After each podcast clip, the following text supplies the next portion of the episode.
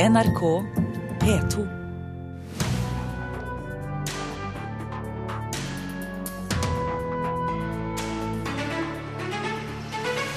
Norske kunstnere vil lage kunstakademi i Nord-Korea.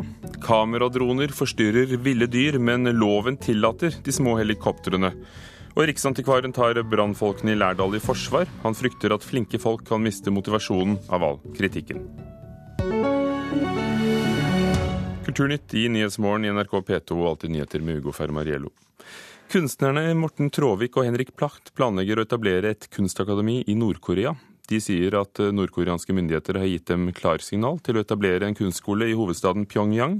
Tråvik har over flere år samarbeidet med nordkoreanske myndigheter, og Henrik Placht har tidligere etablert et lignende kunstakademi i Ramallah på Vestbredden.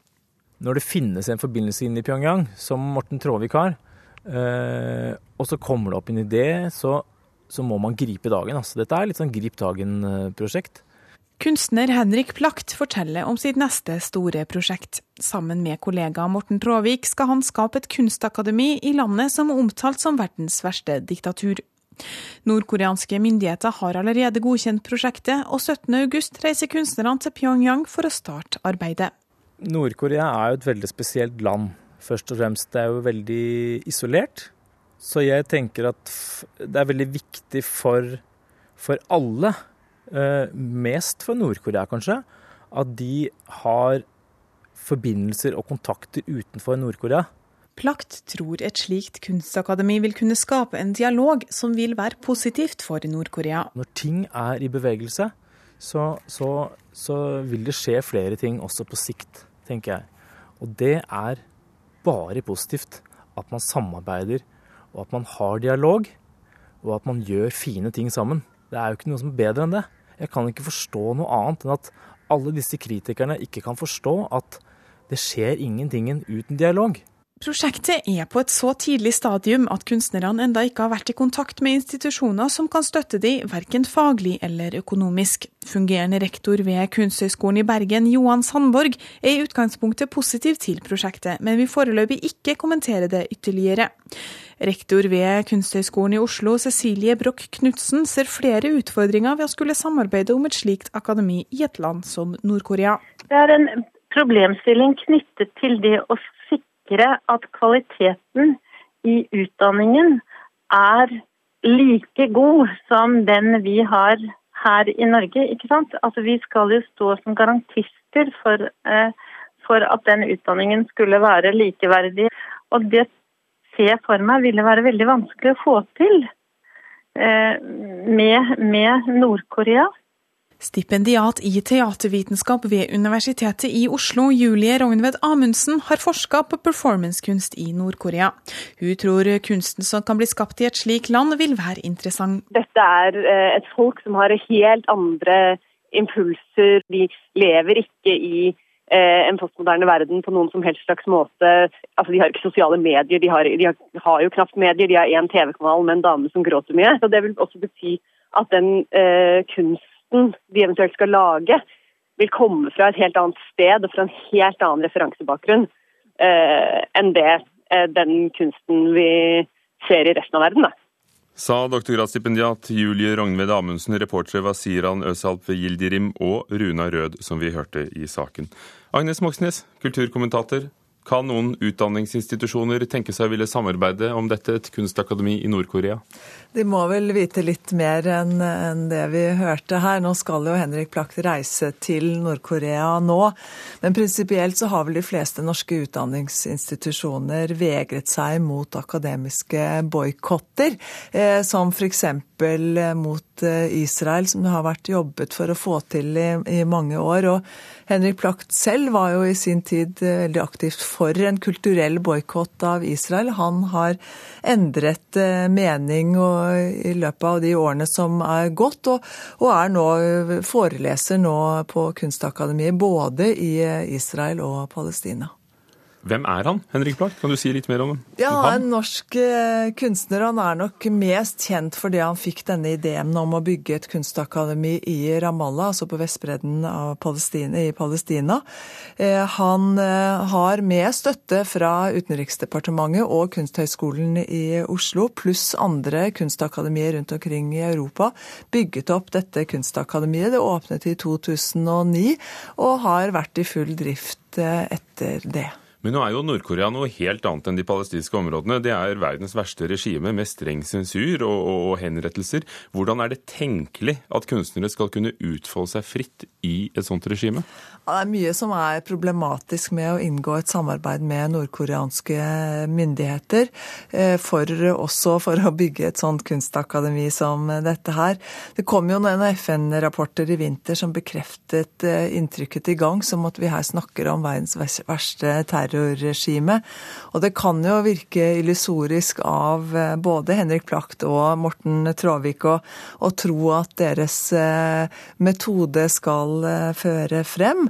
At det er en illusjon at man skal liksom kunne snakke om kunstnerisk frihet på samme måte som vi gjør det her i, i Vesten, i et land som Nord-Korea. Og at de heller da blir grundig utnyttet av de nordkoreanske myndighetene. Samtidig er påstanden til kreftene bak at all åpning vil være en god utvikling. Har han rett i at samarbeid vil påvirke regimet i det vi anser som en heldig retning?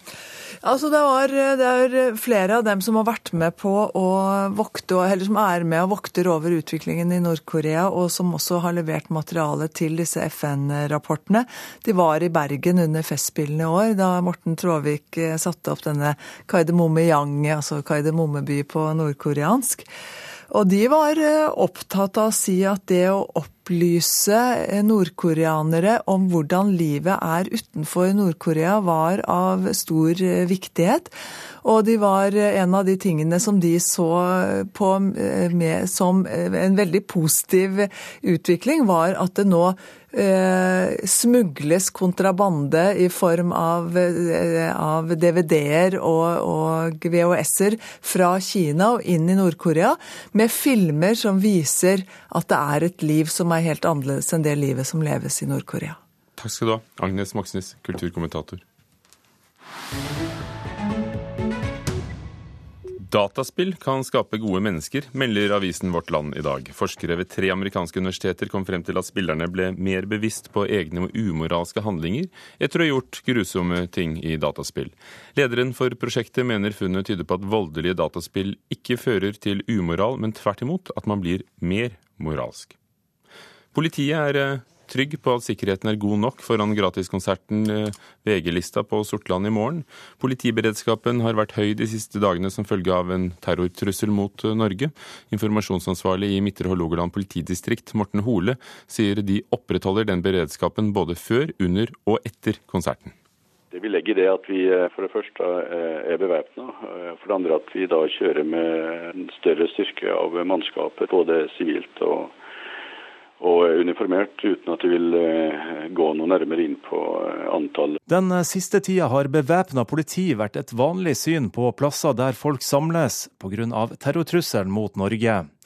Det blir det også når VG-lista avslutter årets turné på Sortland i morgen, etter å ha vært innom flere av landets største byer. Arrangørene håper på over 10 000 publikummere, og det må politiet ta hensyn til, sier Morten Hole. Det er klart en til publikum en utfordring i seg sjøl. I tillegg så er det et gratis og et åpent eh, arrangement. Eh, det er ikke et avsperra område. og Det vil jo føre til at vi, eh, vi kommer ikke til å ha noe konstant adgangskontroll, men vi kommer til å foreta stikkontroller av publikummet som kommer. Og reporter var Ole Marius Rørstad. Sarah Palin, republikansk visepresidentkandidat i det amerikanske valget i 2008, startet opp denne uken sin egen nyhetskanal. This is a news channel that really is a lot more than news. This is a community where we're going to be able to share ideas and discuss the issues of the day, and we're going to find solutions. Are you tired of the media filters? Well, I am. I always have been. So we're going to do something about it. TV-kanalen til Sarah Palin er foreløpig en internettjeneste. Det koster ti dollar i måneden å abonnere på. Palin vil utfordre etablissementet i Washington, og sier kanalen skal være et korrektiv til de etablerte nyhetskanalene som hun mener er altfor politisk korrekte. I tillegg til nyheter er det også egne programmer som følger hverdagslivet i familien Palin. En filmfotograf på Voss som har brukt dronekamera til å filme reinsdyr med kalver på fjellet, får kritikk av fylkesmannen i Hordaland. Bildene av den storslåtte naturen er tatt på en uaktsom måte og er uheldig, sier seniorrådgiver Øystein Aasland. Slik filming skremmer reinsdyrene, hevder han. Men et hull i lovverket gjør det vanskelig å gripe inn, og Aasland frykter nå konsekvensene for ville dyr når flere folk kjøper de små fjernstyrte filmhelikoptrene. Her ser vi reinsdyra. De har en drone som henger over seg. Jeg ser også noen eh, kalver inni her. Hvorfor springer de? De ser vel for seg at dette er en stor rovfugl. Og de flykter nå for å komme unna. Øystein Aasland hos Fylkesmannen i Hordaland ser gjennom videoen fra Vossafjella som er lagt ut på YouTube. Og han liker ikke bildet han ser av reinsflokken på gråsida mellom Vangsvatnet og Hardangerfjorden på denne tida som denne filmen er tatt opp, med kalver til stede og sånt noe, så er det veldig sårbart eh, for reinsdyra. På filmen ser vi at flokken springer vekk, at dyra stopper og ser opp på dronen, og springer i ring før de rømmer videre. Drona er mer skremmende for reinsdyra enn det en enkeltperson til fots eller på ski er. Fotografen som har laga og publisert filmen, vil ikke bli intervjua av NRK. Han sier at reinflokken selvsagt ble litt skremt av dronen, men at det ikke er farlig for dyra at han let kameradronen fly over flokken i maks tre minutter. Han viser til at i perioder sto dyra i ro medan han filma. Bryter det noen lover å filme reinsdyr med drone på denne måten? I forhold til motorferdsloven så gjelder ikke den for droner. Lova, som til dømes regulerer snøscooterkjøring i utmark, gjelder ikke for droner. Det er et høl i lovverket, fordi at da motorferdsloven kom, så fantes det nær sagt ikke droner. Så det har ikke lovverket tatt opp i seg. Ei anna lov krever derimot at alle går forsiktig fram i naturen, og særlig mot ville dyr som kan bli skremt. Naturmangfoldloven har en aktsomhetsparagraf. Både de som kjører droner og oss andre som både går og er ute i naturen, må opptre aktsomt overfor naturen, og da særlig vilt som kan bli skremt. Om reinflokken sør i Voss er vill eller tam, er et definisjonsspørsmål som Landbruksdepartementet nå vurderer. Aasland frykter uansett at hobbyfotografering som uroer rein eller ville dyr generelt, vil bli et problem når flere skaffer seg droner. Økende problem. Det vil det bli jo flere droner som finnes ute blant folk. Men det kan også være en nyttig redskap hvis det blir bruka på den rette måten. Vil du si at det var uomtenksomt å filme rein på denne måten? Ja, det å helt tilfeldig komme på en liten reinflokk, det er jo egentlig stor stas og noe vi alle setter pris på. Men det da å begynne å følge etter er ganske uheldig. Til fots og ski, og de som da kjører over noe med drone eller med annen motorisert ferdsel. Øystein Aasland hos fylkesmannen i Hordaland til reporter Leif Rune Løland. Klokken nærmer seg 16 minutter over åtte. Du hører på Nyhetsmorgen i NRK. LO ber Utdanningsforbundet og kommunenes organisasjon KS om å finne en løsning på skolestreiken i løpet av uken. Fem israelere og 13 palestinere er drept i løpet av natten. Kampene fortsetter på Gazastripen.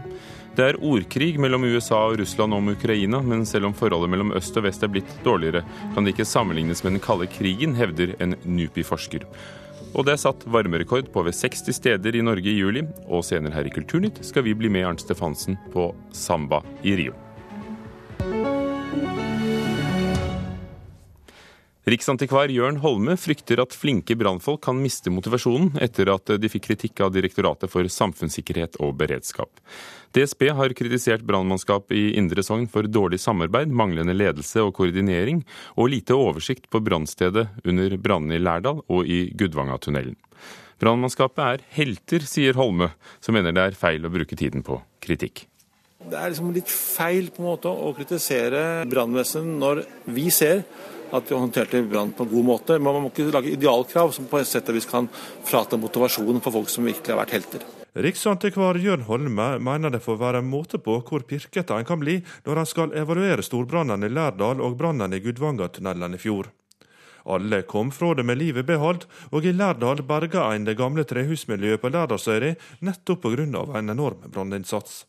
Holme sier han ikke har fått lest rapporten, men kjenner godt til storbrannen i Lærdal, der han berga viktige nasjonale verdier. Jeg er veldig imponert over brannvesenet i Lærdal, og også de andre brannvesenene, og ikke minst den frivillige koordinerte innsatsen. Det at man klarte å stoppe brannen før den kom ordentlig inn i Øyre, det verneverdige området, det var en mesterinnsats. Brannsjefen i Årdal og Lærdal, Gaute Jonsgaard, har måttet svare på kritikk etter at DSB har påpekt dårlig samhandling, leding og koordinering på brannstaden. Forrige uke sa han følgende om kritikken fra DSB. Den hendelsen som var i Lærdal, den er helt ekstrem. Den største brannen som har vært i Norge siden 1923. Det var helt ekstreme forhold, og den innsatsen som ble gjort der, var formidabel. Og Det er den som gjør det at gamle Lærdal fortsatt er der. Og Det kan ikke DSB kritisere.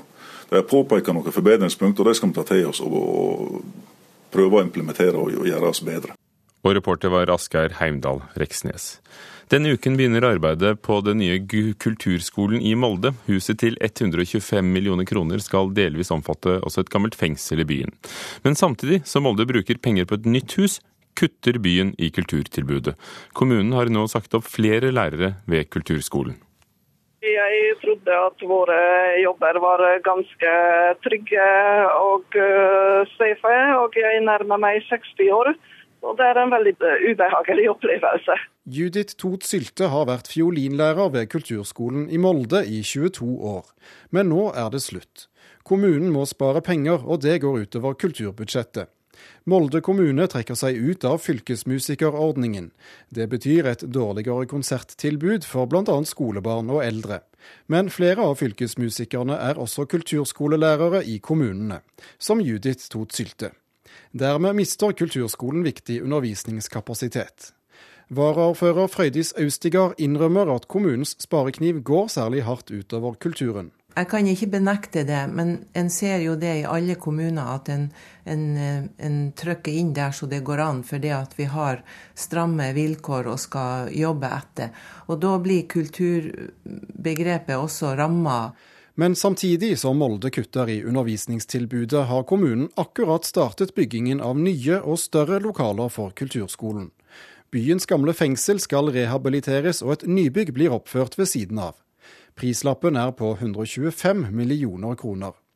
Varaordføreren avviser beskyldninger om at de nedprioriterer innholdet i kulturskolen. At vi bygger en ny kulturskole i Molde, det viser jo at vi er på hugget og at vi vil noe. At vi vil gi et godt tilbud til alle unger når det gjelder kulturskoleformidling. Jeg tror heller at det vi bygger og satser på, det gir mangfold igjen på mange andre vis. Så det er minst like viktig for Molde kommune og andre kommuner. Fiolinlærer Sylte sier konsekvensen av kuttene vil bli færre individuelle timer og mer gruppeundervisning. Det blir et dårligere tilbud. Hun mener politikerne ikke er klar over konsekvensene av beslutningen de har tatt. Politikere virker sånn at de er litt korttenkte. De vet ikke at hva mister de på lang sikt med disse kjappe kuttene og disse kortsiktige målene.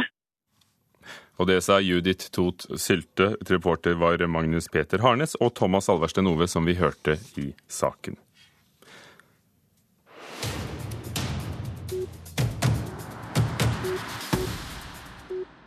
Skogen i staden er tittelen på svenske Goodland Trios andre plate.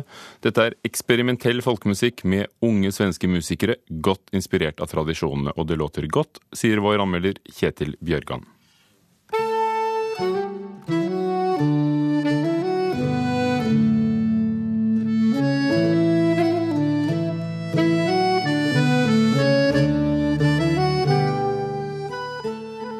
Sopransaks spilt av Hanna Viskari Griffiths, pianotrekkspill med Jonathan Larsson og tolvstrengs gitar traktert av Oskar Ruter. Der har du de musikalske ingrediensene til Godland Trio. Men i tillegg et knippe andre akustiske instrumenter spilt på av dem selv, og gjestemusikere som dukker opp i trioens egenkomponerte materiale.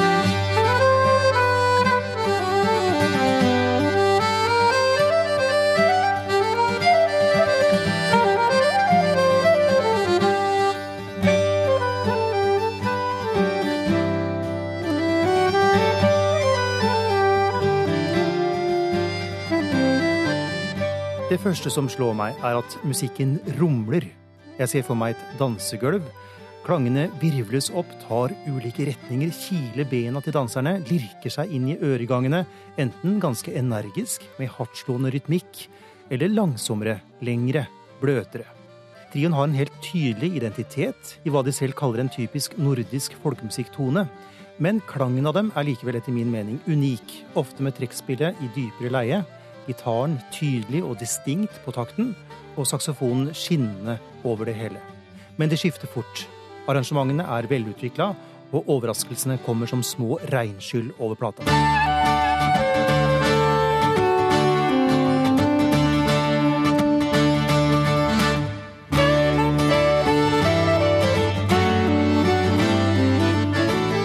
Musikken modnes etter hvert som CD-en får snurra noen ganger i spilleren min. Nye detaljer dukker stadig opp. Trillene til saksofonen, den sløye klangen fra gitaren. En polska som gir svikt i knærne selv for lyttere uten forkunnskaper. En vuggevise som kan få enhver til å sovne. Og plutselig føtter. I en rytme kjent fra fransk-canadiske tradisjoner.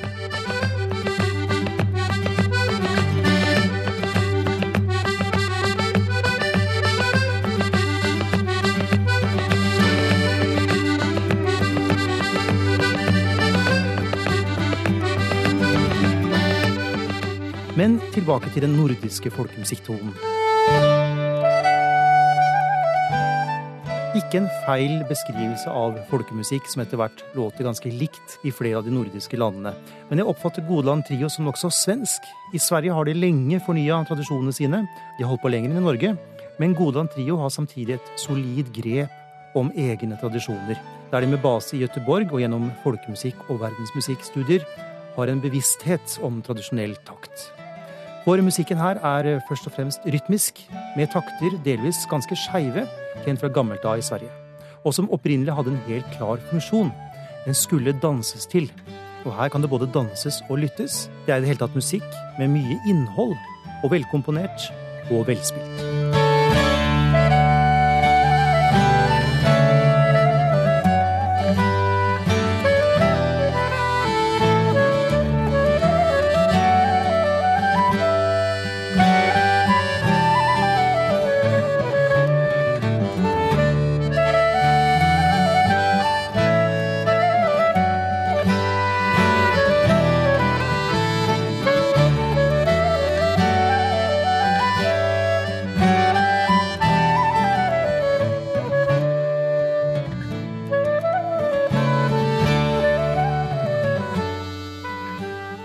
Svensk polska spilt av Gudland Trio fra deres siste plate 'Skogen i staden', som vår anmelder Kjetil Bjørgan hadde hørt. Flere eksperter er eh, ikke i tvil, det er heller ikke sambaelskerne, om at verdens beste samba kan oppleves i Rio de Janeiro. I bydelen Lapa ligger det mer enn 20 sambaklubber, der de fremste utøverne av Brasils nasjonalmusikk opptrer med jevne mellomrom. Vår reporter i Rio, Arnt Stefansen, har vært på Lapas mest kjente sambaklubb.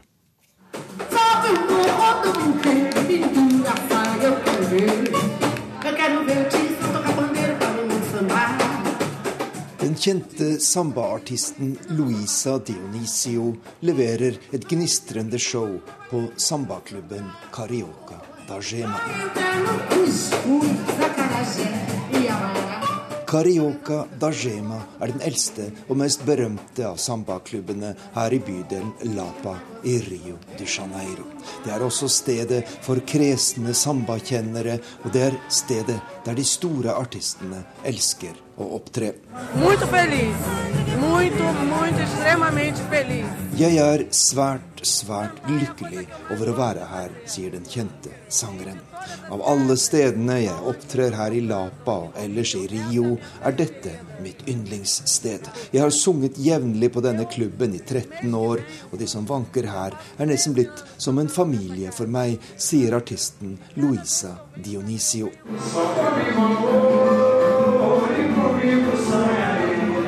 Carioca da Gema åpnet sine dører her i Lapa for rundt 15 år siden. Den gang var området preget av vold, dop og prostitusjon, men det nye kulturtilbudet ble starten på en ny æra. I dag er det over 20 sambaklubber i Lapa, og i helgene står folk i kø for å besøke dem. canadiske Daniel Resica, som har bodd mange år i Rio, kommer for å høre god musikk. Her får man tradisjonell samba av svært høy kvalitet. Jeg går ofte hit midt i uka for å oppleve nye og mindre kjente artister. Og i helgene tar jeg ofte med venner som vil høre de store sambastjernene. Nå i kveld er jeg her med et vennepar fra Canada, sier han.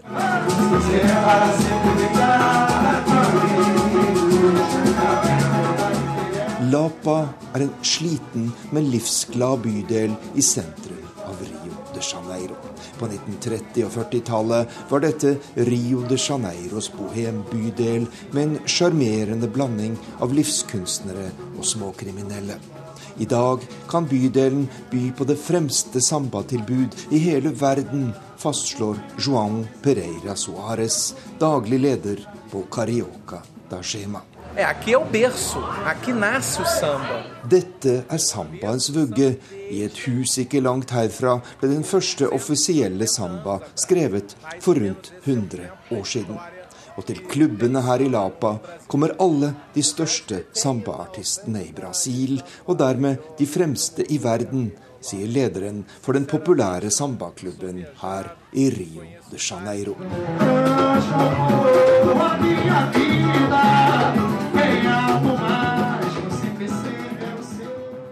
Arnt Stefansen på sambaklubb i Rio.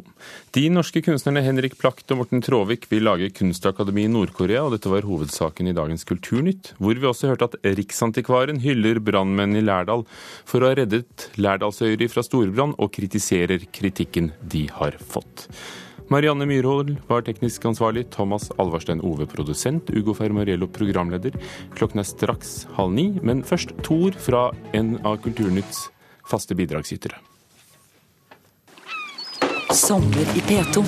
Jeg heter Inger Merete Hobbelstad og er kritiker og kommentator i Dagbladet. I mitt Sommer i P2 skal jeg fortelle om livet i baksetet på min barndoms bilferier, hvilke fortellinger som har preget meg, og hvorfor jeg kjenner meg igjen i en død engelskkonge. Sommer i P2. Kjente stemmer inviterer deg nærmere. I dag klokken ti. Hør flere podkaster på nrk.no podkast.